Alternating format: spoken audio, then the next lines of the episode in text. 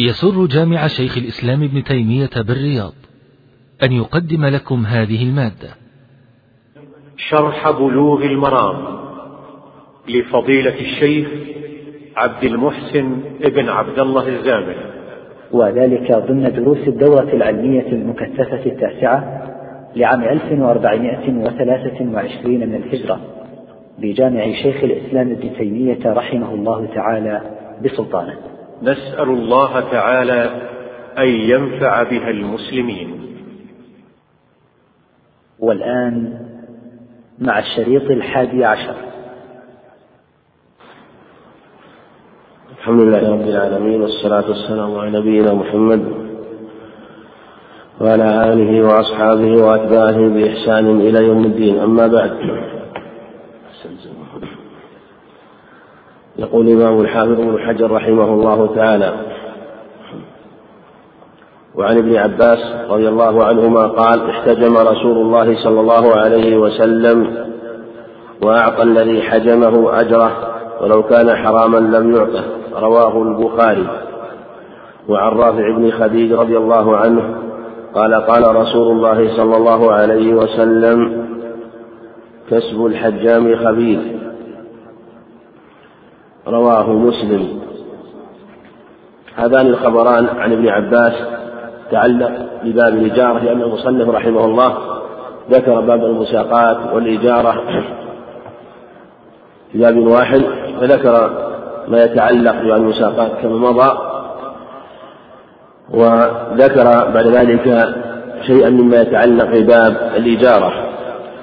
وحديث ابن عباس يدل على أن الإجارة على مثل هذه الصنائع ومثل هذه الأعمال لا بأس بها وأن الإجارة مما جاءت الشريعة بحله لأنها نوع من المعاملات والبيوع ولها أحكام ولها شروط بينها العلم. وهذا الخبر مما يدخل فيها وفيه أنه لا بأس بالكسب ولو كان دنيئا كالحجامة. وما يلحق بها. لكن كره بعض العلم هذا الكشف ومنهم من شدد فيه والصواب ما دل عليه الخبر أنه احتاج وأعطى الحجام أجره ولو كان حراما لم يعطه. وثبت معناه من حديث أنس صحيح البخاري أنه حجمه طيب وكلم مواليه فخففوا عنه من ضريبته يعني من المال الذي فرضه عليه. والحجامة هي استخراج الدم و كره بعض العلم من جهة أنها مباشرة للنجاسة وقد تصيب البدن وقد ربما أيضا نزلت إلى جوفه فلهذا كرهت من هذه الجهة حديث رافع بن خديج كسب الحجام خبيث وهذا أيضا مما يبين أنه إذا أمكن الاستغناء عنها بعمل آخر فلا بأس. والأظهر والله أعلم أنه إن كان هذه إن كانت هذه مهنته وليس له عمل آخر إلا هو ولا يتكسب إلا منها فإنه لا بأس أن يتكسب بها بالحجامة. وإن كان يجد غيرها من المكاسب فهو أولى وأكمل وإلا هذه الأعمال يحتاج الناس إليها ولو احتاجوا إلى الحجامة. وكذلك أيضا بعض ما يتعلق بأعمال الناس مما في تنظيف إزالة الزبل والنجاسات لو لم لو لم يجدوا من يعمل هذه الأعمال لتعدى الناس أذى شديد. فلهذا كان من حكمة الشرع أن أباحها وأباح أخذ الأجرة عليها. وقد ورد في حديث محيصة عند أحمد وأهل السنن أنه سأل النبي عليه الصلاة والسلام عن الكسب الحجامة قال اعلفه ناضحك معنى أنه أطعمه البهائم. وهذا يبين أنه كسب فيه دناءة وأنه ربما صار له أثر عليه من جهة إذا إذا تناوله وأكله. ولهذا قال اعرفنا ناضحك ولم يمنعه منه ولم يحرمه عليه ودل على أنه لا بأس بها. وقوله كسب الحجام الخبيث لا يدل على التحريم لأن الخبث قد يكون من جهة الرداءة ومن جهة المال رذال المال ورديء المال يسمى خبيثا.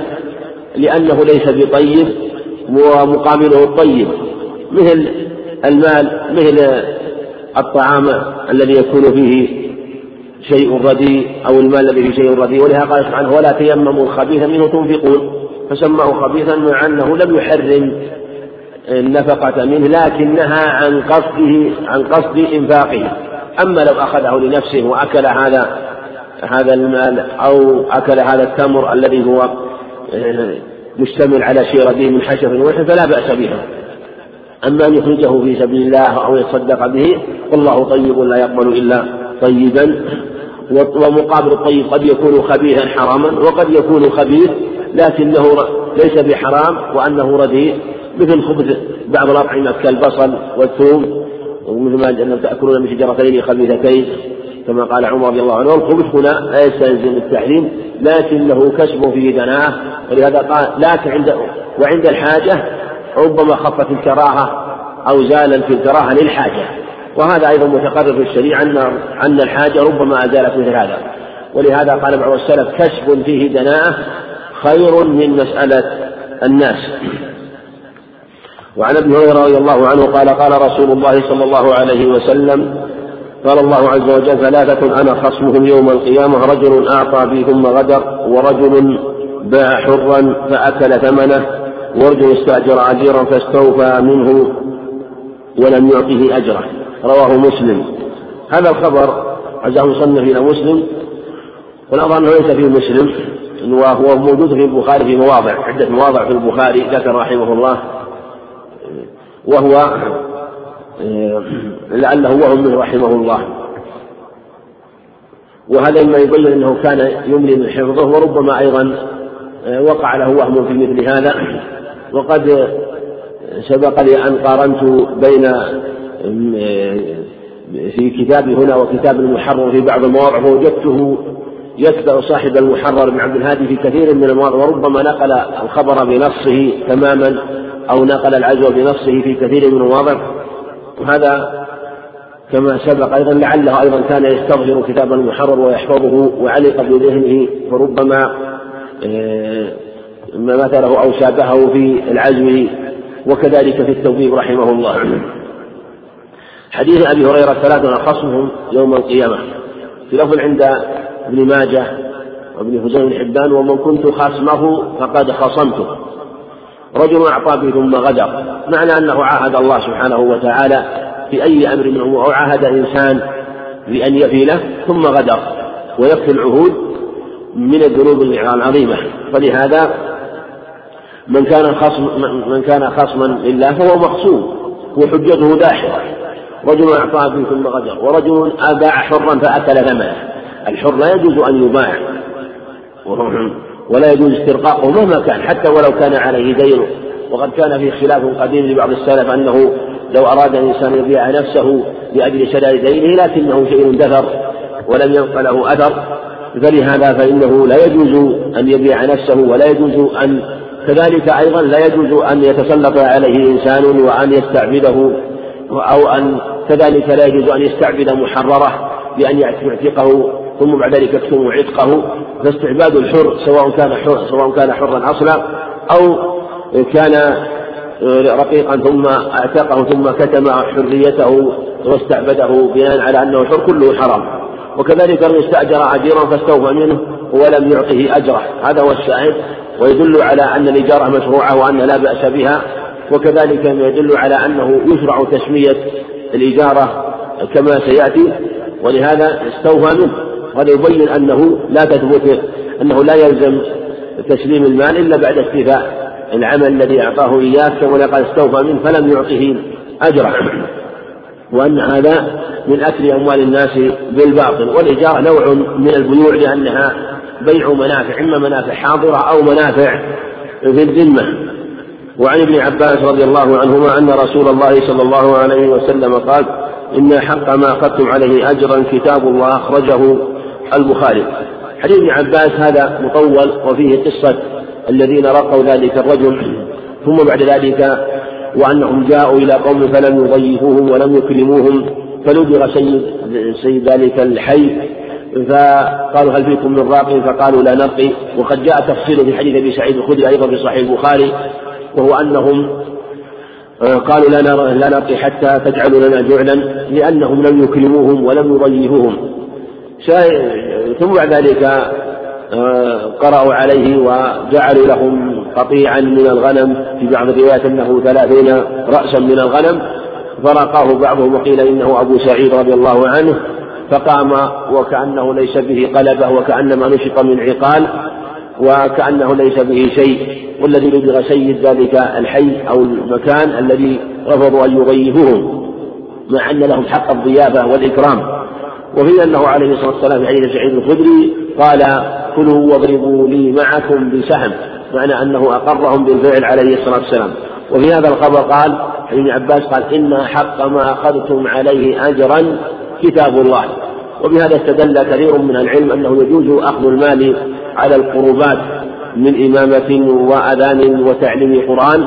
وذهب الجمهور إلى أنه لا يجوز أخذ الإجارة على هذه القربات ولا يجوز الاستئجار عليها. وجنس القرب التي لا تصح إلا من مسلم لا يجوز أخذ الإجارة عليها استدلوا بأدلة عدة أدلة منها حديث عثمان بن أبي عاص عند أهل السنن أنه عليه الصلاة والسلام قال واتخذوا مؤذنا لا يأخذ على أذانه أجرا. أو لا يأخذ على أذانه أجرا. ف وجاء في معنى عدة أخبار. وجاء في حديث أبي بن كعب وعبادة بن الصامت أنهما علم رجلا شيئا من القرآن فأعطاه به بها قوسا وفي أعطاه هدية أو مالا فقال عليه الصلاة والسلام إن أخذت تقلدت قوسا من نار ومنهم من ضعف هذه الأخبار. والأظهر أنه إذا كان على وجه الإجارة في هذه القرى فلا يجوز أما إذا كان على وجه الرزق الجعالة بغير وجه الإجارة فلا بأس وكذلك ما يؤخذ من بيت المال. أما وهذا الخبر ورد في الرقية وليس في تعليم العلم أو الإمامة أو الأذان إنما في الرقية. والرقية أمرها آخر لأنها تجري مجرى العمل الذي قد يحتاج إليه فإذا أخذ عليه شيئا من المال فلا بأس كما في هذا الخبر. ولهذا قال إن حق ما أخذتم عليه أجرا كتاب الله. لكن المشارطة في هذا هي التي قد تكون موضع نظر. أما مجرد أخذ المال عليه أو أنه يتصدر لذلك فيأخذ فجاء في هذا ما يدل على الجواز. كما في حديث ابن عباس وحديث أبي سعيد الخدري أما الاستئجار على الاستئجار على القرب الأخرى فالأظهر أنه عند الحاجة فلا بأس. مثل يستأجر في إمامة يعني ولو كان عقد إجارة بينه وبين من يصلي بهم أو أذان أو تعليم القرآن.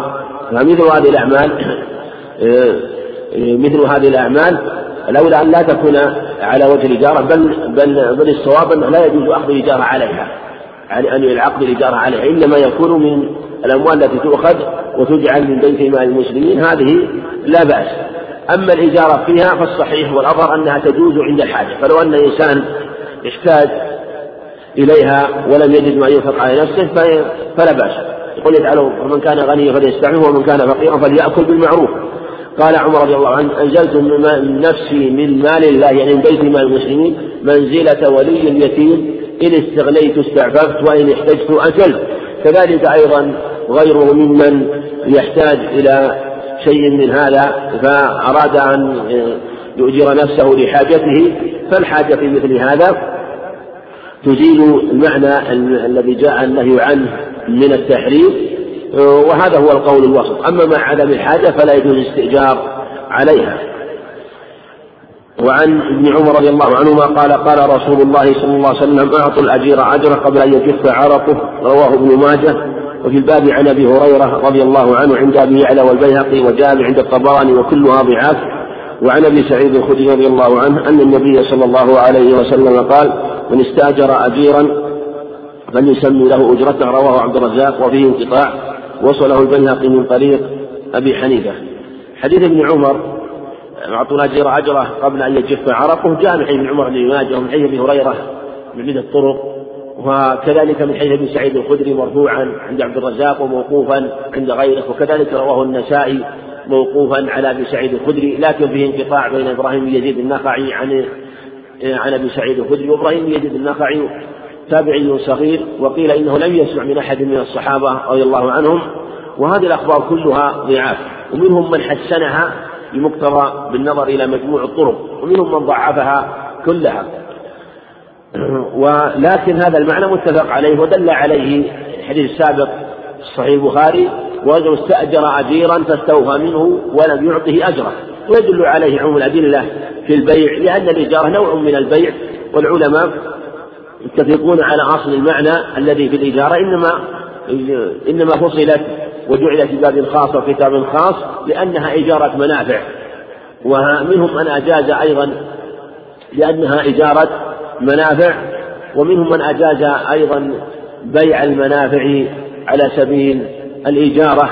لكن هذا المعنى متفق عليه. وفيه كما في هذا الخبر أعطوا الأجير أجره قبل أن يجف عرق باب الحث على المبادرة على إعطاء الأجير حقه وماله وألا يؤخر شيء من حقه. أما إذا تم وسلم العمل فإنه يجب أن يعطى الحق أن يعطى الحق كاملا ولا يبخس شيء ولهذا في ذلك الخبر في صحيح البخاري ذلك الرجل الذي عمل له. ثم أخذوا أجورهم. أخذ ذلك الرجل الذي قال اللهم إنه كان لي أجراء أو يعملون فأعطيتهم أجرهم إلا واحدا. أبى أن يأخذ. كأنه استقل حقه ثم ذهب ثم رجع بعد مدة فقال يا عبد الله أو يا فلان أعطني حقي. فقال كل كلما ترى من حقك إني رأى واد من غنم وواد من إبل. المقصود مال كثير. فقال أتستهزئ بي؟ قال إني لا أستهزئ بك. قال فأخذه كله فاستاقه كله ولم يترك منه شيئا. اللهم إن كنت تعلم أني عملت ذلك لوجهك ففرج عنا ما نحن ففرج الله عنه شيئا. ففيه وساقه النبي عليه الصلاة والسلام وذكره عمن سبق. دلالة على أنه يشرع أن يعطى أجره تاما وكذلك لو أنه عين أجره عين أجره له وعلمه ثم بعد ذلك زاد فإنه يملكه بخلاف ما إذا كان لم يعين وكان أجره في الذمة فإنه لا يملكه. المقصود أنه يجب أن يعطى الأجر كاملا وبهذا ينبغي التنبه إلى حقوق كثير من العمال ممن تؤخر حقوقهم أو رواتبهم أن هذا من الظلم وأن هذا من أخذ منافعهم وأعمالهم. بغير وجه شرعي بل هو قد يكون من أعظم الظلم وقد يكون الظلم أناسا ممن يعولون ويكسبون لهم. باب إحياء الموات. عن عروة عن عائشة رضي الله عنها أن النبي صلى الله عليه وسلم قال من عمر أرضا ليست لأحد أو ليست لأحد فيها حق ليست لأحد فهو حق بها. قال عروة وقضى بها وقضى به عمر في خلافته حديث عروة عن عائشة رضي الله عنها في صحيح البخاري كما ذكر مصنف رحمه الله من عمر من عمر من عمر أرضا ليست لأحد فهو حق بها. وفيه ذكر في باب إحياء الموات والموات هي الأرض التي ليست مملوكة لأحد أو الأرض المفكة عن ملك المعصوم والاختصاص. يعني ليست ليس لأحد فيها حق إما ملك أو اختصاص فهي أرض الموات واختلف العلماء فيها اختلافا كثيرا وذكر المصنف رحمه الله وقد أحسن المصنف حيث ذكر هذا الحديث في صدر هذا الباب من عمر أرضا وهذا يبين أن كل تعمير لأرض فإنه إحياء لها وأنه لا يشترط في في الإحياء إعمار خاص. وهذه جملة عامة وكلمة عامة منه عليه الصلاة والسلام تشمل أي تعمير يكون للأرض وأن من أحياها على أي وجه كان فإنه يكون إحياء لها وهذا يختلف بحسب العرف. وسيأتي أنواع من الإحياء وأن المقصود هو إحياؤها وأن إحياءها يختلف بحسب القصد لهذه الأرض. قد يحييها قد يعمر فيها شيئا من أو يصلح فيها شيئا من التعمير بقصد إحيائها للزراعة أو بقصد إحيائها للسكن. أو بقصد إحيائها مثلا يجعلها زريبة غنم أو غير ذلك مما يحتاج إليه فعلى هذا يختلف الإحياء كما سيأتي. لكن شرطه ليس لأحد فيها حق. وهذا في في في, في كل أرض تحيا ليست مملوكة وليست مختصة. قال وعن سعيد بن زيد رضي الله عنه عن النبي صلى الله عليه وسلم قال من أحيا أرضا ميتة فهي له. رواه الثلاثة. وحسنه الترمذي وقال روي مرسلا وهو كما قال واختلف في صحابيه فقيل جابر وقيل عائشة وقيل عبد الله بن عمرو والراجح الأول. ومنهم من صحح أو أثبت روايات جميع الروايات والحديث له عدة طرق وسعيد رواية سعيد سعيد من سعيد بن زيد من أجودها. وجاءت هذه الروايات الأخرى حديث جابر وعائشة وعبد الله بن عمرو في هذه الروايات وجاء من حديث حسن عن سمرة وجاء أخبار أخرى في الباب. تدل على أنه من أحيا أرضا ميتة فهي له. وهذا هو الصواب هو آه، كما دل عليه هذا الخبر. واختلف العلماء في الإحياء وفي حدود الإحياء في مسائل كثيرة منه لكن هذا أصل في هذا الباب. وأن كل من أحيا أرضا ميتة فهي له. وأن اللحية كما سبق يختلف. واختلف العلماء هل يشترط إذن الحاكم أو لا يشترط؟ وذهب الإمام أحمد والشافعي إلى أنه لا يشترط إذن الحاكم في هذا وأن كل من أحيا أرضا ميتة فهي له. وذا توسط مالك رحمه الله وقال أبو حنيفة يشترط وتوسط مالك رحمه الله وقال إن كانت قريبا من العامل قريبا من البلد ومن مرافق البلد وإذا أحيا شيئا من مرافق من قريب من البلد قد يؤذي أهل البلد أو أو يختص بشيء من منافعهم أو مرافقهم. وأما إذا كان ليس كان متجافيا وبعيدا عن البلد وليس متعلقا بمرافق البلد في أرض صحراء فإنه لا بأس أن يحيي ولا يشترط إذن في ذلك. ومذهب مالك مذهب تجتمع به الأخبار لعموم الأدلة في هذا الباب من حديث سعيد بن زيد ومن حديث عائشة وعبد الله بن عمرو وجابر بن عبد الله وحديث سمرة وما جاء في معناهما. وقد أقطع النبي صلى الله عليه وسلم أناسا من أصحابه شيئا من أراضين ليحيوها وكذلك آه كذلك عمر رضي الله عنه. فالمقصود أن أن أن أن الإحياء هو الذي علقت عليه الأخبار وأن الإحياء يختلف كما سيأتي أيضا. وعن ابن عباس رضي الله عنه أن الصعب بن جسام الليثي أخبره رضي الله عنه أخبره أن النبي صلى الله عليه وسلم قال لا حمى إلا لله ولرسوله رواه البخاري. وهذا أيضا خبر من رواية الصعب بن جثامة الليثي رضي الله عنه وفيه أنه لا حمى إلا لله ورسوله. اختلف العلماء قيل إنه لا يحل لأحد أن يحمي بعد النبي عليه الصلاة والسلام ولا يجوز لأحد من الأئمة أن يحمي بعده عليه الصلاة والسلام وقيل إنه لا حمى إلا لله ورسوله وأنه يعني على ما حمى الله ورسوله فإنه يحمى. لكنهم متفقون على أن على أنه على كلا المعنيين لا يكون الحمى إلا فيما يكون فيه مصلحة للمسلمين وكما حمى عمر رضي الله عنه الشرف والربدة وعلى هذا يدل هذا المعنى أنه لا حمى إلا ما إلا على ما حمى الله ورسوله عليه الصلاة والسلام وأنه ما يكون في مصلحة المسلمين ويحمى للمسلمين ولهذا حمى الشرف والربد رضي الله عنه. وقال لخادمه هني إياك أو قال لا ترد رب الصريمة والغنيمة فإنهم يأتوني ويسألوني وإياك ونعم بن عوف ونعم بن عفان فإنهما إن تهلك ماشيتهما يرجعان إلى مال أو قال إلى ذهب وفضة. وإن رب الصريمة والغنيمة يعني صاحب الشيء القليل إن تهلك يأتي فيقول يا عمر أعطني لا أبا لك من أين أعطيهم أو كما قال رضي الله عنه. ففرق بين من يكون له المال الكثير وبين من يكون ماله قليل فإنه يمكن من هذه الأماكن التي حميت وأن القصد من حمايتها مصالح المسلمين وأن أولى الناس بها هم المحتاجون وهم الفقراء فلا يمنعون منها. أما الحمى إلا الذي الذي على غير ذلك فهو لا الحمى الذي على غير ذلك ولا يكون من مصلحة المسلمين هو ليس على ما حمى الله ورسوله كما جاء في حديث الصعب بن جثام رضي الله عنه.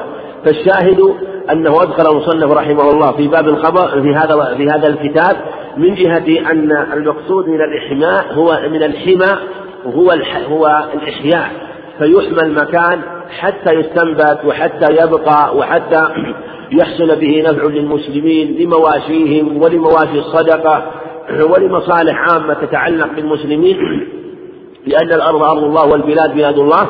فلهذا قال وفسر عمر رضي الله عنه بفعله وقوله ما جاء في هذا الخبر وعنه يعني عن نعم وعنه رضي الله عنه قال وعنه عن ابن عباس رضي الله عنه قال قال رسول الله صلى الله عليه وسلم لا ضرر ولا ضرار رواه أحمد وابن ماجه وله من حديث أبي سعيد مثله وله من حديث أبي سعيد مثله وهو في الموطأ مرسل. له يعني لابن ماجه. وهذا الخبر راجع راجعت كلام الحافظ رجب رحمه الله في في شرح الأربعين فوجدته استدرك على النووي رحمه الله حيث عزى هذا الخبر من رواية ابن عباس إلى من إلى إلى ابن ماجه وبين أنه وهم وأنه وأنه كذلك أيضا ليس في ابن ماجه من رواية ابن عب من حديث أبي سعيد. كما هنا ليس من رواية ماجه من حديث أبي سعيد الخدري. إنما من حديث ابن عباس وكذلك من حديث عبادة بن الصامت. وكأن الحافظ رحمه الله قلد النووي رحمه الله في في النووية حيث عزاه إلى ابن ماجه وقد نبه على ذلك الحافظ رجب رحمه الله. فالمقصود أنه وهذا الخبر صحيح وله طرق كثيرة وهذا المعنى متفق عليه وهي قاعدة عظيمة لا ضرر ولا ضرار. لا ضرر ولا ضرار. وهذا يبين أن الضرر منفي وأن الضرر لا يجوز. والضرر والضرار قيل إنه قوله لا ضرر ولا ضرار من باب التأكيد. وأنه نفى الضرر ثم قال ولا ضرار أكد وبين في وأبلغ في نفيه عليه الصلاة والسلام. وقيل لا ضرر أن الضرر ابتداء منهي عنه ثم لا, لا ولا ضرار مقابلة. الضرر ابتداء بمعنى أنك تضر من لم يضرك ولا ولا ضرار الضرر مقابلة ولا أو بالعكس وقيل لا ضرر معنى أنه أنك تضر ما أنك تفعل شيئا فيه ضرر على غيرك ولك فيه منفعة ولا ضرار أنك تفعل شيئا يضر غيرك ولك فيه منفعة ولا منفعة لك فيه. وعلى جميع هذه التفاسير كله يبين أن الضرر منفي وأنه لا يجوز. والإضرار منفي. لا يجوز للإنسان أن يضر بإخوانه ولا في البيع ولا في الشراء ولا يجوز أن يضر الرجل بزوجه ولا الزوجة بزوجها. وكذلك لا يضر الجار بجاره وكذلك لا يضر كذلك الرجل إذا أراد أن يوصي لا يجوز له أن يضر في الوصية والإضرار في الوصية من الكبائر بأن يوصي لمن ليس له حق بغير أو يزيد في الوصية على غير ما شرع الله أو ما أشبه ذلك. أو يحرم من يريد أن يحرم من من له فرض. فالمقصود أن الإضرار بجميع أنواعه لا يجوز. فلهذا قال لا ضرر ولا ضرار. والمصنف أورده بهذا لأنه كالقاعدة وأنه أيضا لا يجوز لمن استأجر أجيرا أن يضره. وكذلك الأجير لا يجوز لا يجوز أن يضر بمستأجره الذي استأجره. وعن سمرة بن جندب رضي الله عنه قال قال رسول الله صلى الله عليه وسلم من أحاط حائطا على عرض فهي له رواه أبو داود وصححه ابن الجارود. والمصنف رحمه الله لو ساق الخبر وما بعد هذا وساقه مع حديث سعيد بن زيد وما جاء معناه لكان أولى لأنه متعلق به مباشرة. وهذا الخبر رواية الحسن عن سمرة وفيه انقطاع. من جهة فيه انقطاع من الحسن لم يسمع من سمرة إلا حديث العقيقة على خلاف كثير لكن هذا هو الأظهر. وفيه من أحاط حائطا عرضي فهو له. لكن هذا المعنى يدل عليه الخبر أو هذا اللفظ يدل على الخبر ثبت معناه في الأخبار الصحيحة. وأن المشروع هو الإحياء. من أحيا أرضا ميتة فهي من عمر أرضا في لفظ من في لفظ آخر من أعمر أرضا ليس لأحد فيها حق فهو فهي له. فهذا يبين أن لإحاطة الأرض بالجدار أنه إحياء لكن ينبغي أن يفرق كما سبق.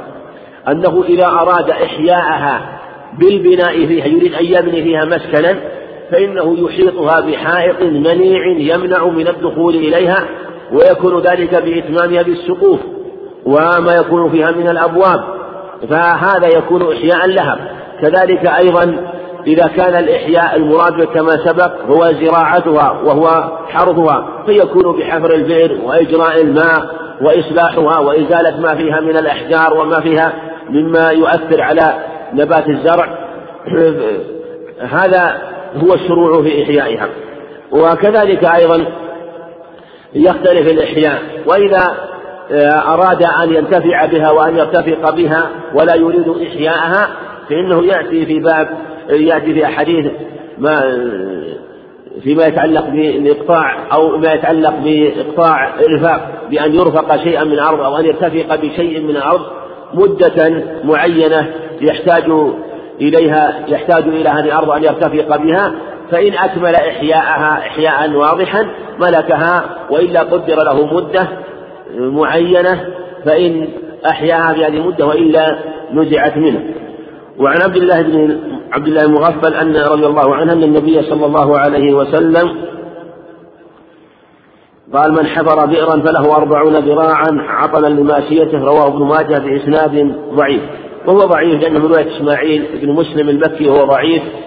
و وجاء في خبر آخر أن البئر العادية وأن حر أن عطى أن أن لها حريم خمسون ذراع والبئر البدي الجديدة لها خمسة وعشرون أو خمسة وعشرون ذراعا. وهذه الأخبار فيها ضعف والأظهر والله أعلم أن الإحياء يختلف وأنه لا يقدر وأن التقادير هذه تقادير حريم البئر أنه بحسب العرف. بعضهم فرق بين البئر العادية العادية نسبة نسبت كل بئر قديمة إلى عاد لأنهم قوم في قديم الدهر واندثروا فجعل كل شيء قديم نسبة إلى عاد. والبئر العادية هي البئر التي قد حفرت ثم اندثرت ثم ثم أراد أن يعيد إحياءها. فإن حقها أعظم من البئر البديل. لكن أظهر أن هذا يختلف. فقد يريد أن يحفر البئر لأجل أن يشرب الماء وأن يشرب منها الماء مجرد الشرب. فهذا حرمها بقدر حاجتها بقدر حاجته إلى الموضع الذي يسقي فيه إلى مكان إيه، يخرج فيه الماء ومكان إيه، أو حوض يجعل فيه الماء أو يكون قد يريد أن يسقي ماشيته فيحتاج إلى ربما يحتاج إلى حوض وربما تكون الماشية أو كانت البهائم إبل فتحتاج إلى عطن. إذا شربت بعدما تشرب تحتاج إلى عطن وتمكنه وتجلس فيه وربما بعرت فيه. فيكون مكانها الذي تحتاجه تحتاجه أكبر وهكذا فالأظهر أنه يختلف ثم يختلف بحسب الموضع الذي هي فيه. قد يكون موضعا واسعا وقد يكون موضع مثلا قريب من البلد. الأظهر والله أعلم أنه بحسب العرف ثم إذا اختلف في ذلك فإنه يكون إلى الجهة المختصة التي تقدر له ما يحتاج. في هذا هو الأظهر في هذا في هذه الأخبار لأن في في هذه الأخبار لأنها لأن جميع الأخبار واردة في هذا الباب ضعيف ولا يثبت وإن ثبت شيء منها فالأظهر والله أعلم أنه ليس من باب الحد والتقدير لكن من باب الحد والتقدير لذلك الشخص بحسب حاجته مثل ما جاءت الأحاديث المختلفة بذكر الإحياء منها ما جاء بذكر التعمير ومنها ما جاء بذكر الإحياء ومنها ما جاء بذكر من أحاط حائطا على أرض فهي له فبحسب قصده ونيته في إحيائها. وعن علقمة بن وائل عن أبيه رضي الله عنه أن النبي صلى الله عليه وسلم اقطعه أرضا بحضرموت رواه أبو داود والترمذي وصححه ابن حبان وهو حديث جيد. وفي معناه حديث ابن عمر كما سيأتي وفيه أنه لا بأس من الاقطاع والإقطاع قد يكون إقطاع إرفاق كما سبق وقد يكون إقطاع تمليك. يعني يمنح أرض ويعطى أرض فإن كان للسكن فيكون بأن يعمر للسكن. وإن كانت مثلا لأجل أن يزرعها فبذلك. فبحسب الإقطاع. فإذا أعطي أرضا لأجل أن يرتفي أن أن يحييها بالزراعة فإن عليه أن يحييها بالزراعة وإجراء الماء إليها. وإن كان بالسكن فكذلك. ثم هو ينظر إليه وبحسب حاجته. وقد يكون إقطاع لأجل أن يرتفق بثمنها وأن يملك ثمنها لحاجته. فهذا أيضا تمليك لها. وقد يكون إقطاع إرفاق بأن يعطى موضع من الأرض يبيع فيه ويشتري مثل الرخصة التي تمنح لبعض الناس بأن يبيع في هذا المكان وأنه يضع له مظلة و يضع له أخشاب يستتر بها ويبيع فيها فهو أحق بهذا المكان آه، إلى أن يتركه. وإذا كان يبيع مثلا في النهار فإنه يكون أحق به في النهار وفي الليل لغيره أن يبيع فيه لأنه لم يتملك فالمقصود أن هذا بحسب العرف. قد يكون يعطى من باب الإرفاق و ثم هو يجعل فيها شيء من باب الحماية لها حتى لا تذهب عليه فبحسب ذلك قد يبيع فيها نهارا ويمنع غيره ليلا لأنه يريد أن يرتفق بها وقد تذهب عليه. فالإقطاع يختلف كما سبق من جهة أنه قد يكون إقطاع إرفاق وقد يكون إقطاع تمليك وإذا كان الإقطاع إقطاع إرفاق فإن استفاد منها وإلا نزعت منه خاصة إذا كانت كبيرة لا يستطيع إحياءها.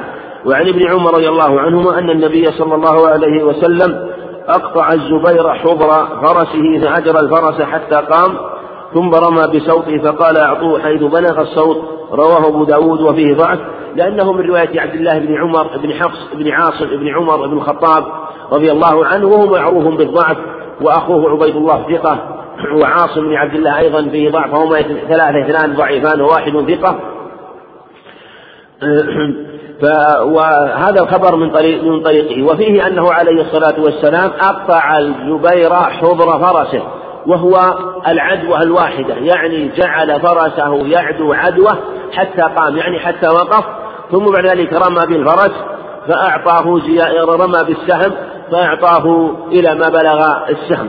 وهذا يبين أنه ربما حصل إقطاع كثير أو كبير بحسب المقطع الذي يستطيع أن يستفيد منها فينفع نفسه وينفع غيره. وقد دل عليه الخبر السابق من حديث وائل بن حجر وجاء في معناه أيضا أحاديث أخرى آه، أنه أقطع عليه الصلاة والسلام بعض أنواع الإقطاع مثل أبيض بن حمال حيث أقطعه شيئا من من آه، أقطعه أرضا فقيل له أقطعته يعني الماء العد أو الذي لا ينقطع فاسترد منه عليه الصلاة والسلام لعلم لأنه لأن منفعته عامة فلو أعطاه إياه فخشي أن يتحجره وأن يمنع غيره. وعن رجل من الصحابة رضي الله عنه قال غزوت مع النبي صلى الله عليه وسلم فسمعته يقول الناس شركاء في ثلاثة في الكلاء والماء والنار رواه أحمد وأبو داود ورجاله ثقات. وهذا الخبر جاء بلفظ الناس جاء بلفظ المسلمون وحديث صحيح وفيه وفي وله شواهد أخرى تدل على هذا المعنى منها. أنه عليه الصلاة والسلام أخبر أو قيل له ما الشيء الذي لا يحل منعه؟ قال الماء قيل ما الشيء الذي لا يحل منعه؟ قال الملح قيل ما الشيء الذي لا يحل منعه؟ قال إن تفعل الخير إن تفعل الخير خير لك أو كما قال عليه الصلاة والسلام وفيه بيان أن هذه الأشياء ثلاثة الماء والكلى والنار أن الناس شركاء فيها وقال جمهور العلماء إن المراد الكلى هنا الكلى المباح الذي في الصحراء والماء المباح الذي يكون في الصحراء أو أو غيرها من المياه العامة كمياه الأنهار والبحار. والنار قيل إن النار التي تكون اختلف فيها أيضا في هذا. وقيل إنه إن إن الكلى والماء والكلى والنار الذي المباح معلوم أنه ليس لأحد أن يتحجره. ولهذا قال عليه الصلاة والسلام أخبر أن من أو ثلاثة لا يكلمهم الله ولا يزكيهم ولهم عذاب أليم. رجل على فضل ماء بقارعة الطريق يمنعه ابن السبيل فيقول الله عز وجل اليوم أمنعك فضلي إذ منعت ما لم تصنع يداك. ورجل بايع إماما فأعطاه صدقة يده وثمرة فلم يفيده. ورجل أعطى بايع بعد العصر سلعة أو قال قد أعطى بها كذا وكذا ولم يعطي بها. معنى أعطى يعني اشتراها بكذا وكذا. فذكر أولهم من بايع من في من منع فضل الماء. وهذا يبين أن فضل الماء المباح أن أن المسلمين متفقون على أنه لا أحد يمنعه وأنه لا يجوز. إنما هذا الماء والكلى والنار قيل إنه بشيء خاص وهو الملأ الذي هو الماء الذي يزيد عن الحاجة. فالإنسان عنده بئر ففاضت وزادت عن حاجته وإن كانت في أرضه المباحة أو إنسان عنده في أرضه كلى لم ينبته إنما نبت بالمطر ولم ينبته هو ولم يقصد استنباته إنما نبت في مزرعته أو في أرضه واستغنى عنه فإنه يشرع له أن يمكن غيره منه إذا لم يضر به.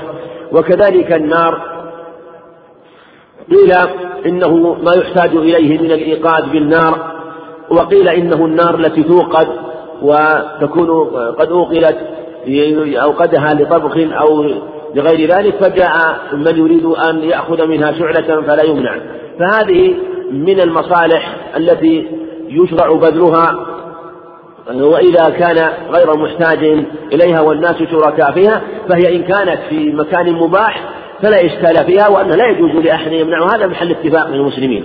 وإن كانت في أرض مملوكة فإن كان زائدا حاجته فإنه يشرع له أن يمكن غيره إذا لم يكن عليه ضرر في الدخول في في مكانه، أما إذا كان ترتب عليه ضرر فلا يزال الضرر بالضرر كما تقدم. باب الوقف. عن أبي هريرة رضي الله عنه أن رسول الله صلى الله عليه وسلم قال: إذا مات ابن آدم انقطع عمله إلا من ثلاث صدقة جارية أو علم ينتفع به أو ولد صالح يدعو له. رواه مسلم. الوقف هو تحبيس الأصل وتشبير الثمرة وهو من أعظم العقود في الشريعة الإسلامية وفيه من المصالح في حال الحياة وفي حال الموت من الشيء الكثير. ولهذا جاء الشرع به. والإنسان يكون حيا ثم يعمل الأعمال الصالحة فيريد أن يمتد عمله بعد وفاته فجاء الله وشرع هذا الوقت حتى يمتد عمله بعد وفاته ويبقى له أعمال البر والخير متصلة بعد وفاته. وتستمر. ف وفي هذا الخبر حديث إذا مات ابن آدم انقطع عمله من صدقة جارية وعلم ينتفع به أو ولد صالح يدعو له جاء معنا أيضا من حي قتادة عند ابن ماجه بإسناد جيد وقال وفيه بنفس هذا الخبر وفيه وعلم ويعمل به من بعده. وأيضا ثبت عند ابن ماجه من حديث هريرة أنه قال إذا مات ابن آدم انقطع عمله أو أو قال إن مما يلحق المؤمن من حسناته وعمله بعد موته علما علمه ونشره وولدا صالحا تركه ومصحفا ورثه ومسجدا ومسجدا بناه وبيتا لابن السبيل بناه ونهرا أكراه أو قال أجراه وصدقة أخرجها في حال صحته وموته تلحقه في حال صحته وحياته تلحقه بعد موته. ذكر سبع خصال. وهذا يشمل كل وهذا الخبر في قول الصدقة الجارية يشمل كل ما يوقف ويبقى بره وخيره والعلماء يذكرون هذا الخبر في باب الوقت لأنهم يقولون إن الصدقة الجارية وتكاد تتفق كلماتهم أن المراد بها ما تبقى عينها ويستمر نفعها من الصدقات الجارية. صدقة جارية. وهذا هو وجه الحجة فيه وهو ما يوقف أصله ويحبس أصله وتجرى منفعته مثل أن أن يوقف بيتا لأبناء السبيل أو أبني أبني مسجدا أو أن يحفر نهرا يجري نهرا للشرب. يعني يكون الوقف في نفس الحفر الذي أجراه ثم الماء يبقى. وهذا فيه حجة ودلالة على أنه لا بأس بوقف الماء. خلافا من قال إن الماء لا يوقف. والأظهر أنه لا بأس. وعلى هذا ما يفعل ممن يوقف مثلا يجعل برادة ويوقفها فإن الوقف وإن كان على هذه البرادة التي يوقفها في مسجد أو في طريق والماء يتجدد لا يملك لا يملكه لأن الماء ليس موجودا. فالأظهر والله أعلم أنه إذا أن الماء الذي يصل إليها وهو متواصل ولا ينقطع بما الشيء المتجدد بمثابة المتصل أو مثابة العين التي تبقى ولا تنقطع. فعلى هذا يجري وقفه هذا المجرى. وكذلك أيضا أنواع الوقوف الأخرى مما يقف كتابا يقف مثلا للمسجد مثلا شيء يفرش ويصلى عليه أو ملابس يقفها أو سيارة يقفها لأبناء السبيل أو للحجاج أو لطلاب العلم أو يقف دابة آه، للانتفاع بها. وهذا أنواع الوقوف كثيرة ثم عليه أن يراعي الأصلح والأفضل في كل وقت بحسبه. صدقة أو علم ينتفع به كذلك العلم الذي ينتفع به. فهذا يشمل طلابه الذين يكونون بعده ويشمل الكتب التي صنفت ويشمل الفوائد التي تنقل من بعده وأنها صدقات جارية بعده. أو ولد صالح يدعو له من ذكر وأنثى لأنه يدعو له ويحيي ذكره وهذا يبين فضل العناية بالأولاد وتربيتهم وأنهم ذكر للعبد وذكر له بعد وفاته وإذا كان ليس له نصيب مما سبق من الخصلتين السابقتين من وقف أو علم ينشر فإنه يكون له يعتني بتربية أولاده حتى يتصل دعاؤهم له بعد وفاته. وعن ابن عمر رضي الله عنهما قال أصاب عمر رضي الله عنه أرضا بخيبر فأتى النبي صلى الله عليه وسلم يستعمر فيها فقال يا رسول الله إني أصبت أرضا بخيبر لم أصب مالا قط هو أنفس عندي منه. قال إن شئت حبست أصلها وتصدقت بها قال حبست وحبست. من فضلك اقلب الشريط.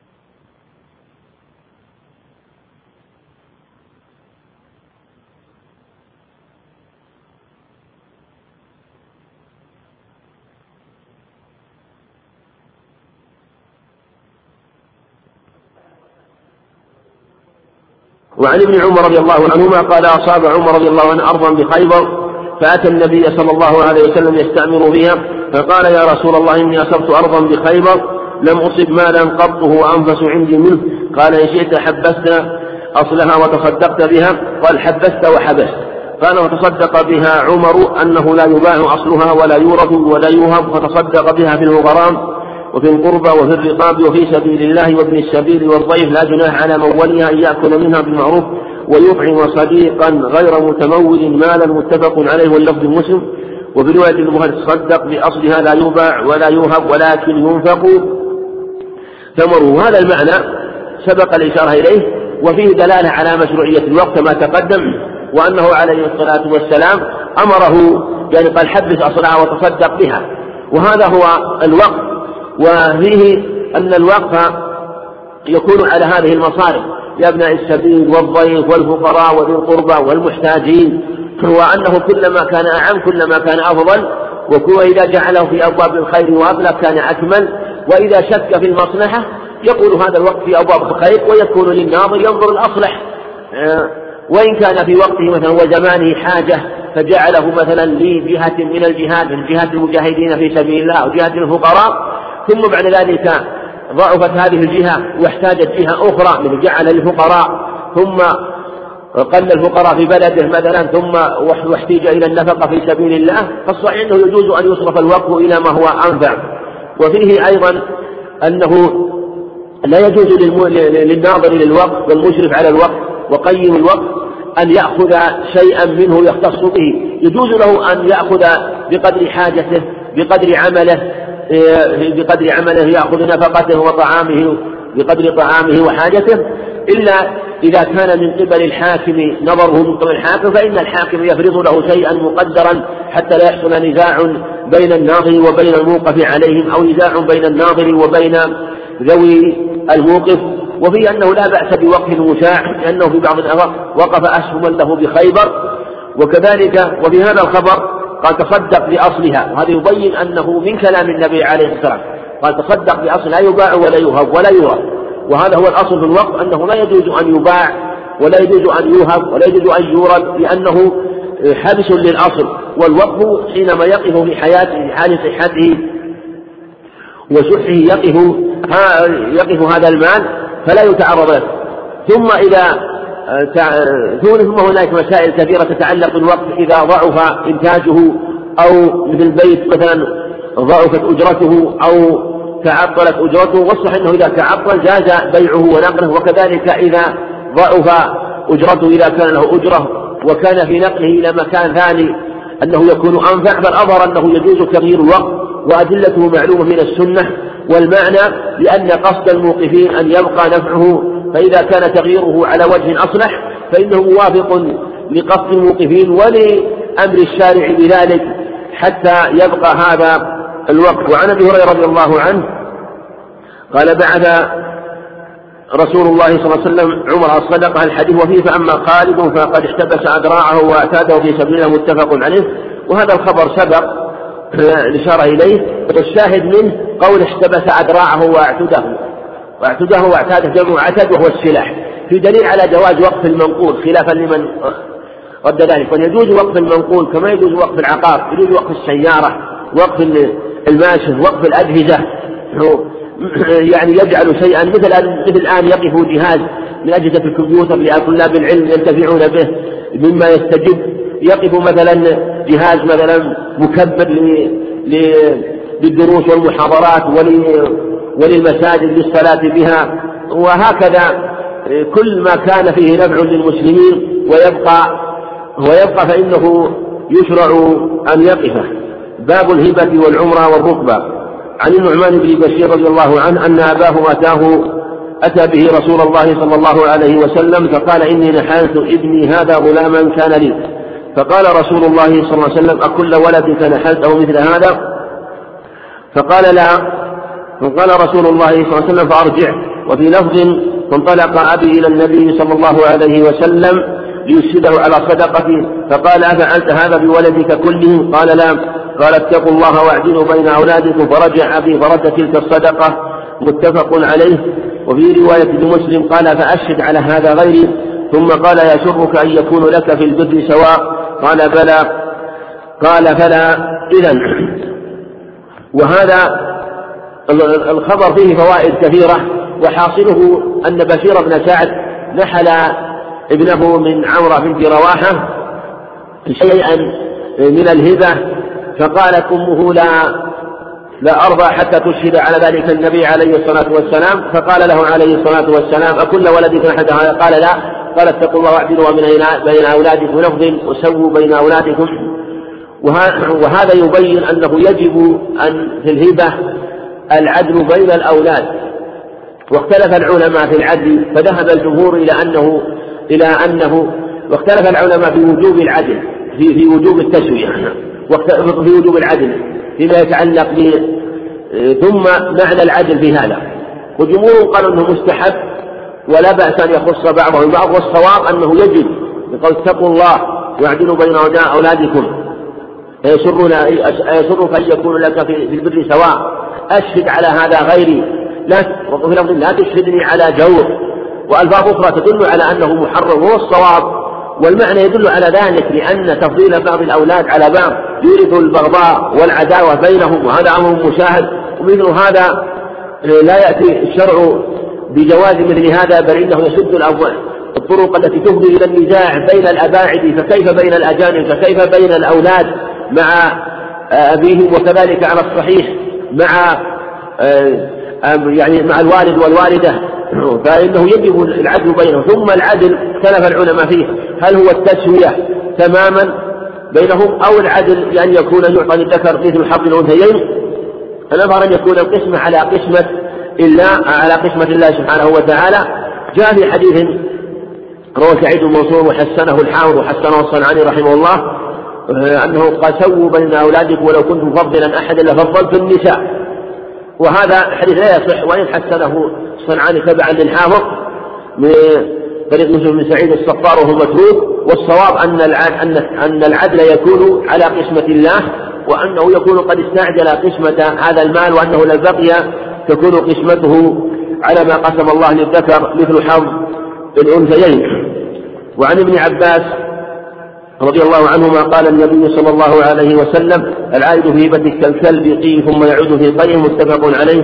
وفي رواية للبخاري ليس لنا مثل السوء الذي يعود في هبته كالكلب يقي ثم يرجع في قيئه وهذا أيضا يدل على على أنه على أن الهبة إذا نفذت لا يرجع فيها. و واختلف العلماء في الرجوع فيها. والصواب أنه ما دل عليه هذا الخبر أنه كما قال عليه الصلاة والسلام ليس لنا مثل السوء أن من وهب هبة ورجع يعني كالكلب يقيء ثم يرجع في قيئه. وهذا من أعظم التنفير للرجوع في الهبة. وأن من وهب هبة فإنها نافذة ولا يجوز له الرجوع فيها. هذا في الهبة. أما في الصدقة فلا يجوز الرجوع فيها باتفاق. إنما الخلاف في الهبة. أما الصدقة وكذلك وكذلك الهبة التي تكون لفقير ويغلب فيها جانب الصدقة فإنها تشبه الصدقة فلا يجوز الرجوع فيها ويقال ليس لنا مثل السوء. فإذا قبضت وتمت فالرجوع فيها حرام. وقال بعضهم إنه لا بأس لأن الكلب يجوز أن يعود في قيه كما روي عن الشافعي جماعة لكن هذا قول ضعيف والصواب أن أن هذا من أعظم التنفير لأن هذا التمثيل يدل على أو هذا التمثيل يدل على التنفيذ ولأنه يحرم التشبه بهذه الحيوانات من جهة أفعالها. فكيف إذا كان النهي بهذا الفعل الدنيء والتشبيه به يكون النهي أشد؟ ولهذا جاء النهي عن التشبه بالحيوانات نقل كنقل الغراب والتفات كالتفات الثعلب وبروك كبروك الجمل وإيقاع كإيقاع الكلب وكذلك أيضا ما هو أشد من ذلك من هذا الفعل؟ فإن الظاهر ما دل عليه هذا الخبر وهو تحريم الرجوع في الهبة. نقف على حديث ابن عمر وابن عباس. نعم. السلام عليكم ورحمة الله. الحمد لله رب العالمين والصلاة والسلام على نبينا محمد وعلى آله وأصحابه وأتباعه بإحسان إلى يوم الدين. أما بعد فيقول الإمام الحافظ رحمه الله تعالى الإمام الحافظ ابن حجر رحمه الله تعالى باب الهبة والعمرة والركبة سبق حديث النعمان النعمان بن بشير وحديث وحديث ابن عباس في عطية الأولاد وحديث ابن عباس العائد في هبة كالكلب يقي ثم يعود في قيء وسبق أن هذا أصل في وجوب العدل في عطية الأولاد وأنه يجب أن يكون على ما قسم الله. هذا هو الأظهر في هذه المسألة كما تقدم. خلافا للجمهور الذين قالوا إن التفضيل جائز وإن كان مكروها عندهم والصواب ما دل عليه النص كما تقدم في أنه قال لا أشهد على هذا أشهد على هذا غيري لا تشهدني على جو. وذلك أن الأولاد كما هو معلوم يحصل بينهم من الشحنة في مثل هذا ما هو معلوم إذا حصل تفضيل بينهم وذلك أنهم بالنظر إلى والدهم أو بالنظر إلى والدتهم حينما يفضل بعضهم على بعض يحصل شيء من المغايرة تفضي إلى العداوة والبغضاء غالبا. والوالدة أيضا ملحقة بالوالد. وأيضا حديث ابن عباس فيه النهي عن وجوه العطية. ولذا قال ليس لنا مثل السوء. ومما يتعلق أيضا بالعطية الأولاد أن أكثر أهل العلم قالوا إن هذا خاص بالأولاد دون سائر الأقارب للمعطي وألحق آخرون بهم سائر الأقارب من الإخوة والأعمام. بل والزوجة إذا أعطى أولاده ولم يعطها ومنهم من اقتصر على ما جاء في هذا وقال اتقوا الله واعدلوا بين أولادكم. ومنهم من فرق بين إذا كان سائر الأقارب إذا كان سائر الأقارب وارثين أو كانوا غير وارثين. فإن كانوا وارثين فإنه لا يفضل بينهم إذ أن يكون له أخوان وهما اللذان يرثانه وليس له ولد ذكر يحجبهم. فإنه فإنه يعدل بينهم ولا يفضل بعضهم على بعض لأنه لو مات ورثه كذلك. إذا وكذلك إذا كان له أعمام. و فقالوا فرق بين ما إذا ورثوه وما لم يرثوه. منهم من قال إنه يجب العدل حتى ولو لم يرثوه. لكن في الأولاد هو نص الخبر كما جاء في روايات حديث النعمان بن بشير. قال وعن ابن عمر بن عباس رضي الله عنهما عن النبي صلى الله عليه وسلم قال قال لا يحل لرجل مسلم أن يعطي العطية ثم يرجع فيها إلا الوالد فيما يعطي ولده رواه أحمد والأربعة وصححه الترمذي وابن حبان والحاكم. وهذا مستثنى مما تقدم وهو أنه أنه لا يجوز الرجوع في العطية مثل ما تقدم في حديث ابن عباس. استثنى من ذلك الوالد والوالد يشمل الوالدة فله أن يرجع في عطيته خاصة إذا كانت العطية فيها حيف أو جوف مثل أن يكون أو ميل ومحاباة مثل أن يعطي بعض ولده دون بعض. فإنه يجب أن يرجع على الصحيح. بل قال بعض العلم لو أنه خص بعض ولده ثم مات فإن العطية لا تطيب له فيجب عليه أن يرد تلك العطية ويرجع أيضا عليه الورثة بما بمقدار ما أعطى أو أن تحسب من الميراث إن كانت تخرج من نصيبه من الميراث.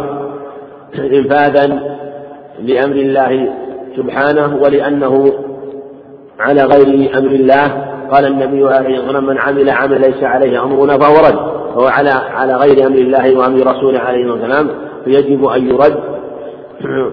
ولأن فيه مصلحة للورثة وفيه مصلحة للميت فيجب الرجوع فيها ولا تطيب له ولو مات خلافا لجماهير العلماء. وهو المذهب فيما إذا مات أنه لا يلزمه الرجوع بل عطية اتصلت بالقبض ومات المعطي. فلا يرجع وإن كان هنا لا يرجع لا يرجع عليه ولا يلزمه أن يردها في الميراث. وإن كان هنالك إثم فقد باء به الميت. ومن قال بهذا قال إنه على غير أمر الله ويجب أن يرد إلى أمر الله. وهذا في هذا في, باب الوقف والوصية والعقيق قالوا كما أنه لو عمل على غير أمر الله في الوصية أو في الوقف فإنه يرد يرد إلى أمر الله وأمر رسوله عليه الصلاة والسلام. فكذلك في هذا في باب العطية إذا فعلت على هذا الوجه فإنها ترد. وعن عائشة رضي الله عنها قالت كان رسول الله صلى الله عليه وسلم يقبل الهدية ويثيب عليها رواه البخاري. وهذا كان من هديه عليه الصلاة والسلام. أنه يهدي ويهدى إليه ويقبل العطية ويثيب عليها عليه الصلاة والسلام. وكانت عطاياه وهداياه المقصود منها المصالح الشرعية.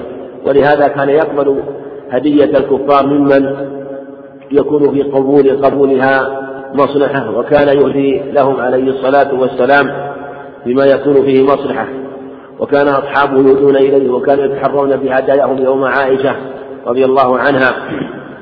فهذا هو المشروع في الهدية. وليس وليس المقصود أن أن يثيب عليها مثلها تماما وكقدرها بل المقصود هو شعور الإنسان نحو أخيه والرجل نحو نحو أخيه والمكلف نحو أخيه من الرجال والنساء بأنه يقدر له هذه الهدية فإن تيسر أن يرد ما تيسر ولو كان شيئا يسيرا فهو حسن. لأنه كان يقبل الهدية ويثيب عليها ولأن الهدية تثبت المودة وتزيد الألفة خاصة إذا كانت الهدية بين الأخوين مهاداة يقصد بها وجه الله سبحانه وتعالى فإنها ربما كانت أعظم من الصدقة وأفضل في بعض السور.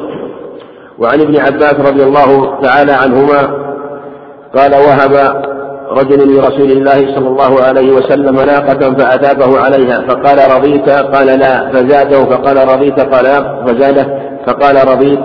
فقال رضيت؟ قال نعم. رواه أحمد وصححه ابن حبان. الحديث رواه أحمد.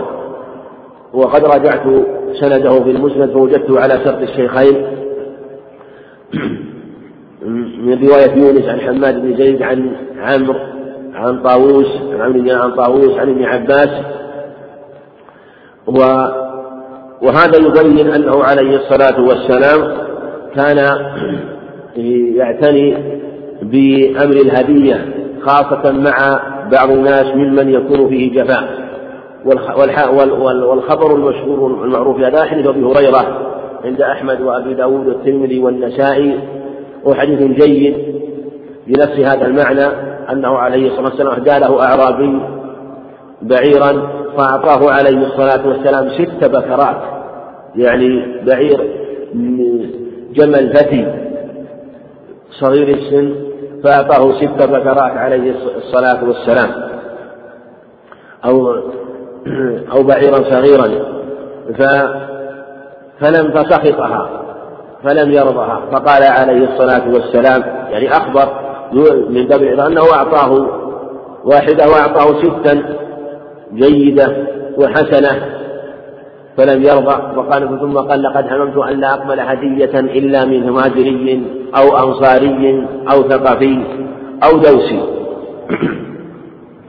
وهذا أيضا كما سبق أنه كان يعطي ويزيد في العطية وكان الناس ربما أعطوه تحريا لما يعطي عليه الصلاة والسلام. وكان يقبل هدية ويزيد عليها وهذه الهدية التي يكون المقصود منها الثواب والعطاء ممن يهدى إليه.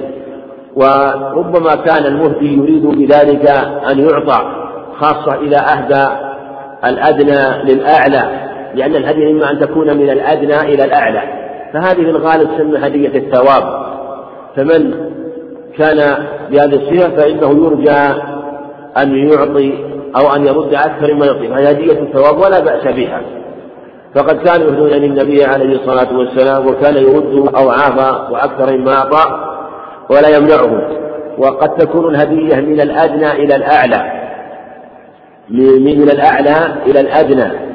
من الأعلى إلى الأدنى. فهذه وإن كانت هدية لكن لا يقصد منها الثواب ففيها شوق من مقصود الصدقة ويراد بها وجه الله.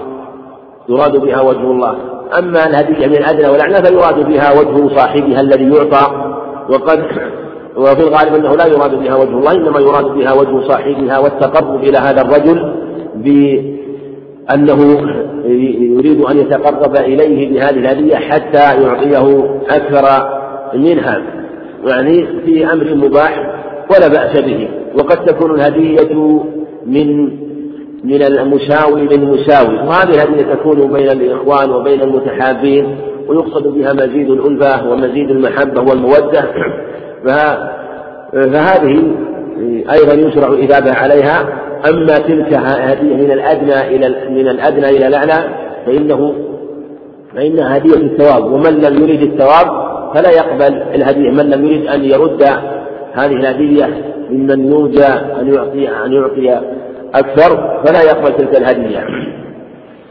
وعن جابر رضي الله عنه قال قال رسول الله صلى الله عليه وسلم العمرة لمن وهبت له متفق عليه ولمسلم امسكوا عليكم أموالكم ولا تفسدوها من أعمر عمرا فهي للذي أعمرها حيا وميتا ولعقله وفي لفظ إنما العمره التي أجازها رسول الله صلى الله عليه وسلم هي لك ولعقلك. فأما إذا قال هي لك ما عشت فإنها ترجع إلى صاحبها. ولأبي داود والنسائي لا ترقبوا ولا تعمروا فمن أرقب شيئا أو أعمر شيئا فهو لورثته. هذا هو الشاهد لقول العمرة والرقبة. العمرة والرقبة نوعان من الهدية ولهذا ذكرهما في باب الهدية. والعمرة اختلف العلماء فيها وفي صحتها وفي معناها. والأظهر أنه كما في الخبر أنه نوع من من الهدية وقد تكون مطلقة وقد تكون مقيدة. ومعنى العمرة أن يقول وهبتك أو أعطيتك هذا البيت أو هذه السيارة أو هذا المتاع لك ما عشت ولك عمرك. يعني ما دمت حيا ما دام لك عمر وأنت حي. فهذه هي العمرة. والرقبة أيضا هي مثلها وهي أن يقيدها وأن يقول لك هذه الأرض أو هذا المال أو هذا البستان أو هذه السيارة لك لآخرنا موتا أو لمن يموت لمن لك إن مت إن مت قبل رجعت إليك وإن مت قبلك فهي لك. فقيدها إلى تقييدا زائدا. وسميت رقبة من المراقبة لأن كل واحد منهم يرقب الآخر وينتظر وينظر من يموت هل هو المرقب والمعطي أو المرقب وهو المعطى وهي نوع من الهبة. والأظهر أنها من باب الهدايا والعطايا الصحيحة لأن الحديث جاء الأخبار جاءت في جابر وغيره أنه عليه السلام قال العمرة جاء العمرة جائزة العمرة ميراث لأهلها. وفي لفظ فإنه قد أعطى عطاء وقعت فيه المواريث. وجاء إنما العمرة هي التي هي لك ولا يعقبك أما إذا قال لك ما عشت فإنها ترجع إلى صاحبها. هذا يبين أن العمرة صحيحة. والرسول عليه قال لا ترقبوا ولا تعمروا ليس من باب النهي عنها لكن لأجل البيان. ويبين أن هذه العطايا وإن كانت في الجاهلية كانوا يعملون كانوا يتعاملون بها وكانوا ربما أعطى على هذا الوجه فأراد أن وأراد أن يبين عليه الصلاة والسلام أنها صحيحة وأنها نوع من الهبة أو العطية أو الهدية لكن بين وجهها وأن من أراد الرجوع فيها بعدما أعطاها عطاء مطلقا أو جعل لها جعلها له ولأولاده ولذريته أو لك ولأولادك فإنه لا يرجع فيها بخلاف ما كانوا قبل ذلك أنه ربما رجع بها.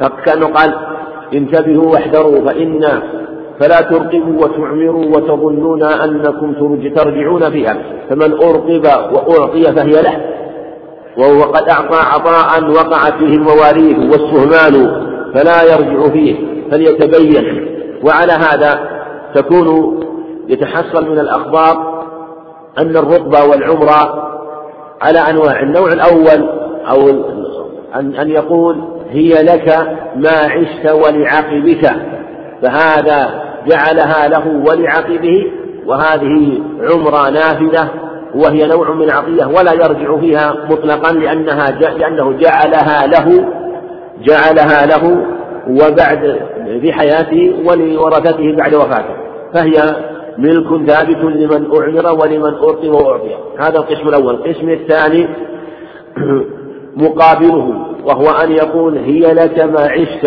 فإذا مت فهي ترجع إليك. أو لك عمرك وإذا مت فهي ترجع إليك. شرط رجوعها إليه وقيدها في حال حياته وأنها ترجع إليه. فهذه الصحيح أنها من باب الهدية وهي من باب الهدية المقيدة. والصحيح أن الهدية وإن كانت مقيدة أنها نافذة خلافا لمن قال إنه لا يصح تقييد الهدية بأن يقول وهبت لك هذا شهرا وهبت لك هذا سنة. صحيح أنه لا بأس بها ولا غرر فيها ولا ضرر. وهي نوع من العارية. على هذا تكون نوع من العارية لأنه قيدها فكأنه أعاره منافعها هذه الفترة ثم يرجع فيها وتكون من باب الهدية لأنه أعطاه إياه بلا مقابل وبلا عوض. القسم الثالث من أنواع العمرة أن يعطيه إياها عطاء مطلقا. يقال هي لك هي لك لك هذا الشيء أو أعطيتك هذا الشيء عمرك أو حياتك ولم يقيده بالرجوع إليه بل أطلق. لكن ذكر له أن له أن له أن هذا له حياته وله عمره ولم لم يقيد لم يقيدها في حال لم يقل إذا مت ترجع إلي بل أطلق ذلك. فهذه اختلف العلماء فيها والأظهر أنه إذا لم يقيدها ولم تدل إذا لم يقيدها بالرجوع إليه ولم تدل قرينة على ذلك وعرف بذلك فإنها آه، تكون عطية نافذة لمن أرقب ولمن أعطي. وهذه كان كما سبق تستخدم و والمعروف والمشتهر في باب العطية والهدية هو المهاداة والعطية على وجه الهدية أو على وجه الهبة لكن إذا وقع شيء من هذا على هذا الوصف فإنه يكون على ما جاءت به الأخبار وعلى هذه الأقسام الثلاثة. وعن عمر رضي الله عنه قال حملت على فرس في سبيل الله فأضاعه صاحبه فظننت أنه بائع برخص فسألت رسول الله صلى الله عليه وسلم عن ذلك فقال لا تبتعه وإن أعطاكه بدرهم. الحديث متفق عليه. الحديث متفق عليه. وفيه أن عمر رضي الله عنه حمل على فرس في سبيل الله. فقال عليه الصلاة والسلام فأضاعه الذي أعطاه إياه. فقال عليه الصلاة والسلام فأراد أن يشتريه. فقال لا تبتعه وإن أعطاكه بدرهم.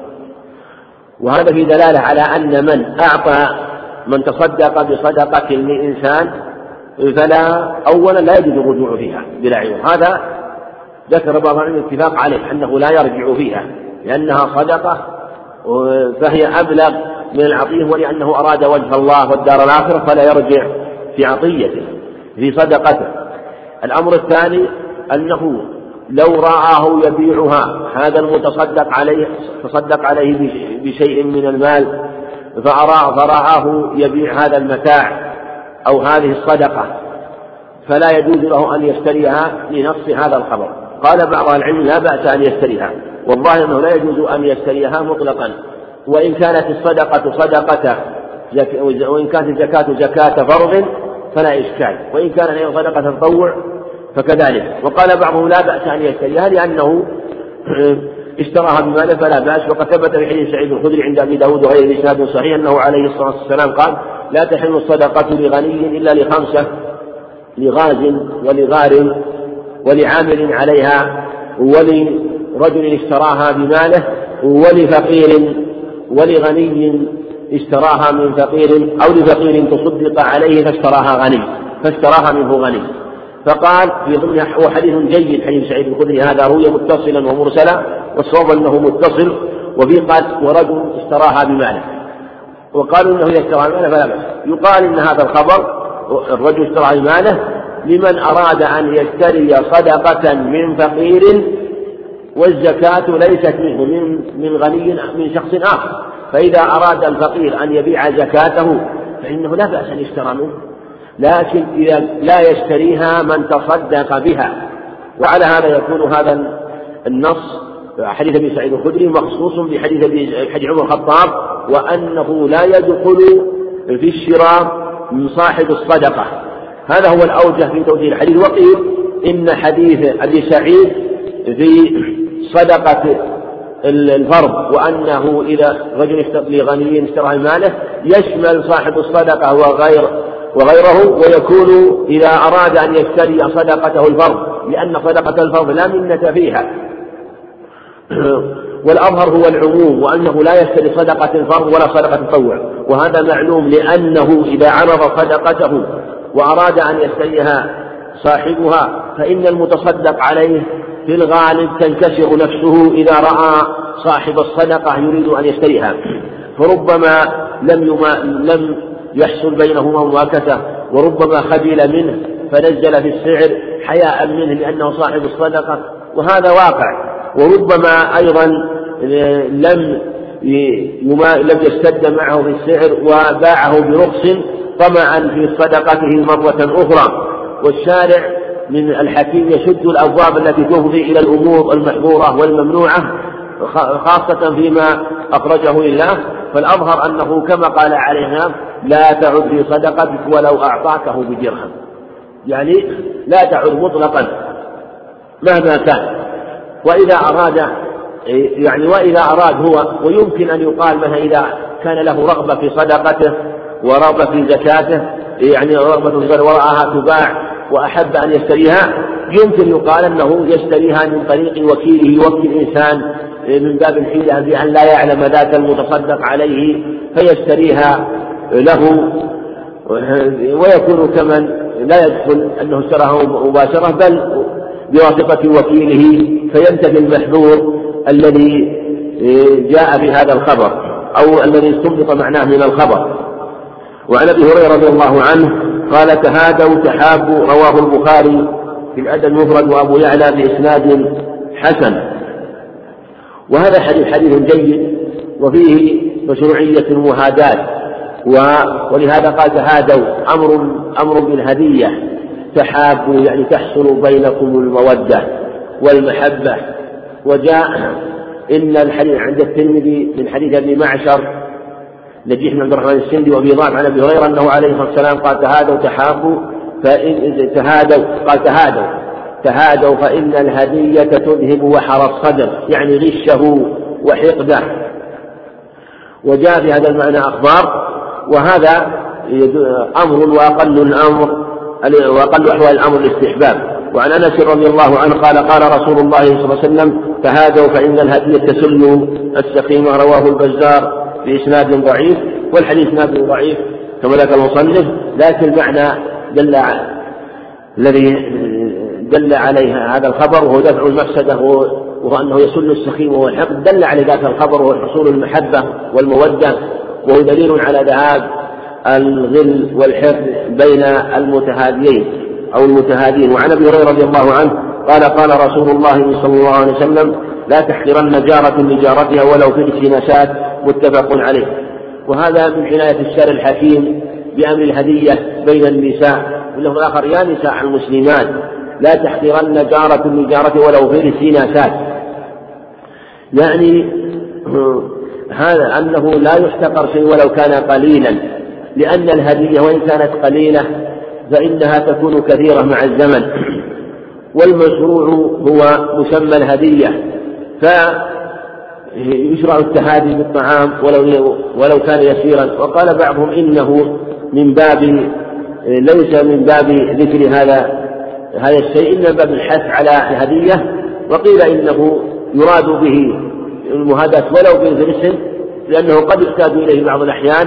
ولهذا قال عليه الصلاة والسلام يا أبا ذر إذا طبخت مرقة فأكثر ماءها وأطعم جيرانك فأصب منها جيرانك لأن الهدية لها فيها المصالح هذه هذه المصالح. وهذا ما يبين أن أن المرأة لها أن تطعم وأن تخرج من بيت زوجها مما يكون العرف فيه المهاداة فيه لا يستنكر بين النساء من الطعام وكذلك العرف يجري في مثل هذا إذا ورد أن تصدق وكان صاحب البيت وزوجها يحب ذلك ولا يكره ذلك على تفصيل ذكره أهل العلم في هذا الباب. وعن ابن عمر رضي الله عنهما عن النبي صلى الله عليه وسلم قال من وهب هبة فهو أحق بها ما لم يثب عليها.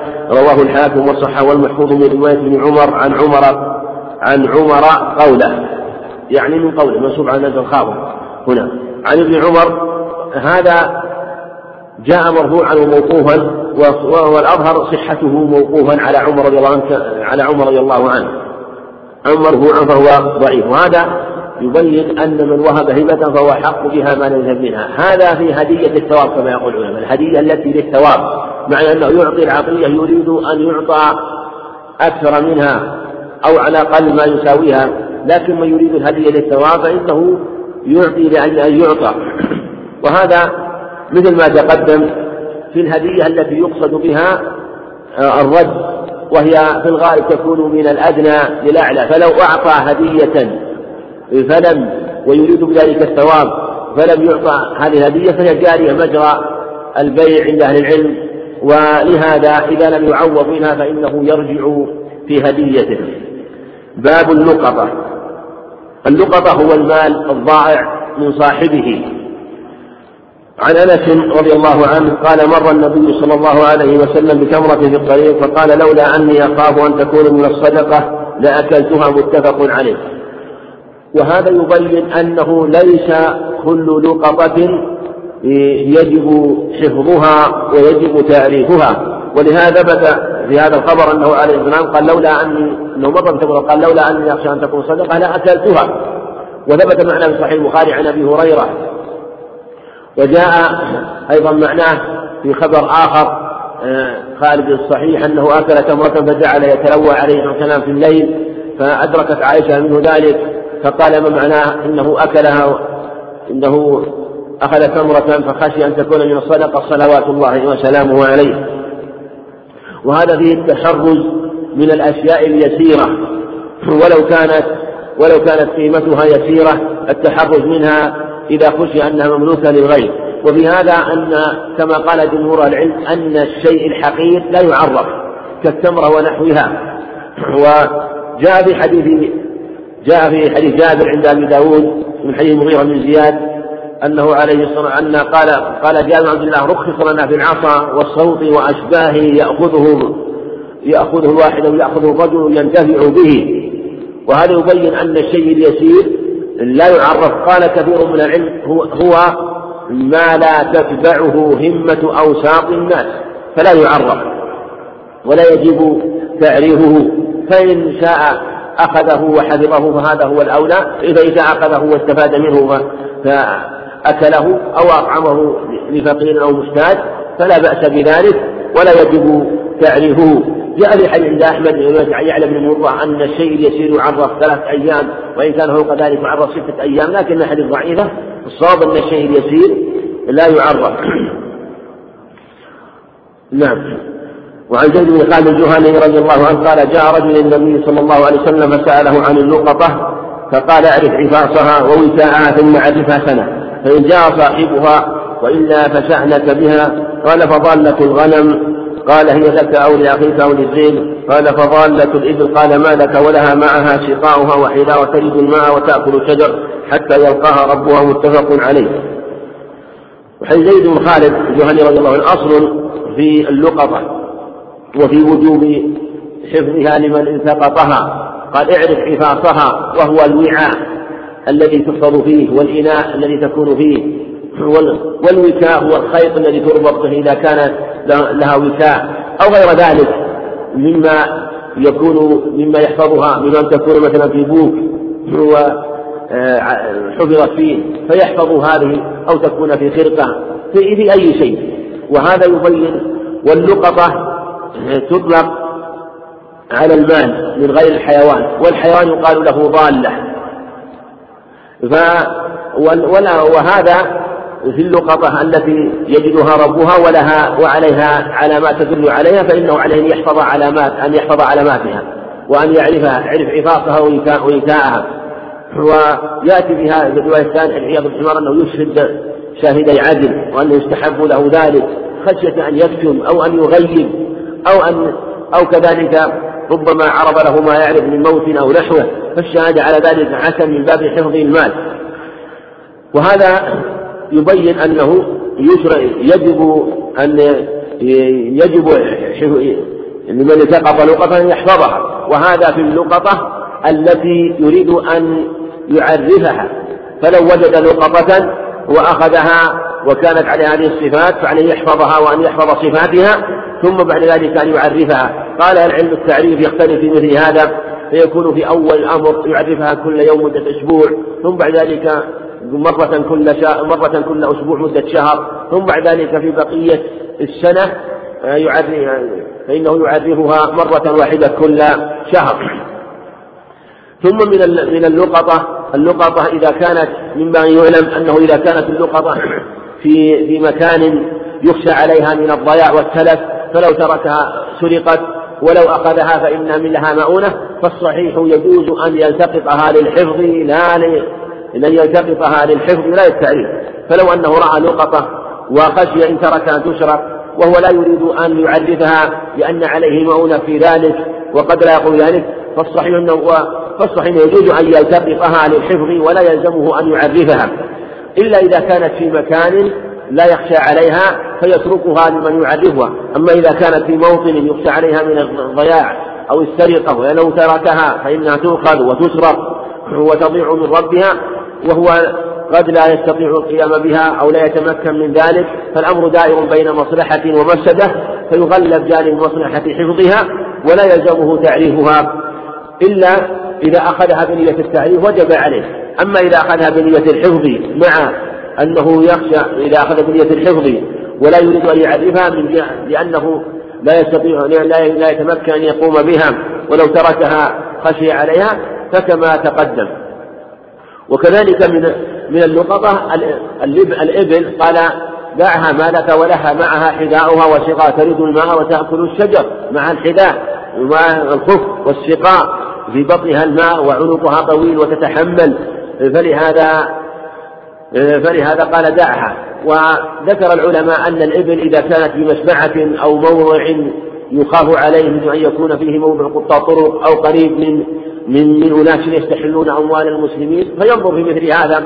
فإذا خشي أن تؤخذ فلا بأس أن يأخذها. ولهذا نص العلم على أن الإمام يجب عليه أن يحفظ الأموال لأربابها وإن كان لا يجب عليه يعرفها. كذلك عموم المسلمين إذا خشي على المال الضياع والهلاك وإن كان مما يحفظ نفسه غالبا كالإبل وكذلك بعض أنواع الحيوانات التي تحفظ نفسها من السباع فإذا خشي عليها من من الهلاك أو الضياع أو بأرض مشبعة فأراد أن يحفظها لراحلها فلا بأس بذلك. وكذلك ضالة الغنم قال هي لك أو لأخيك والذئب لأنها ضعيفة. فلهذا أمر فهي دائرة بأن تأخذها أو أن يأخذها أخوك أو أن يأكلها الذئب فعليك أن تأخذها. وإذا أخذها فإنه دائر بين أمور ثلاثة إما أن ينفق عليها ويرجع على صاحبها وبين أن يبيعها وأن يحفظ ثمنها أو أن يبيع أن يذبحها ويأكلها ولكن بقيمتها. ثم بعد ذلك عليه أن يعرفها. شكر الله لفضيلة الشيخ على ما قدم وجعله في موازين حسناته والسلام عليكم ورحمة الله وبركاته.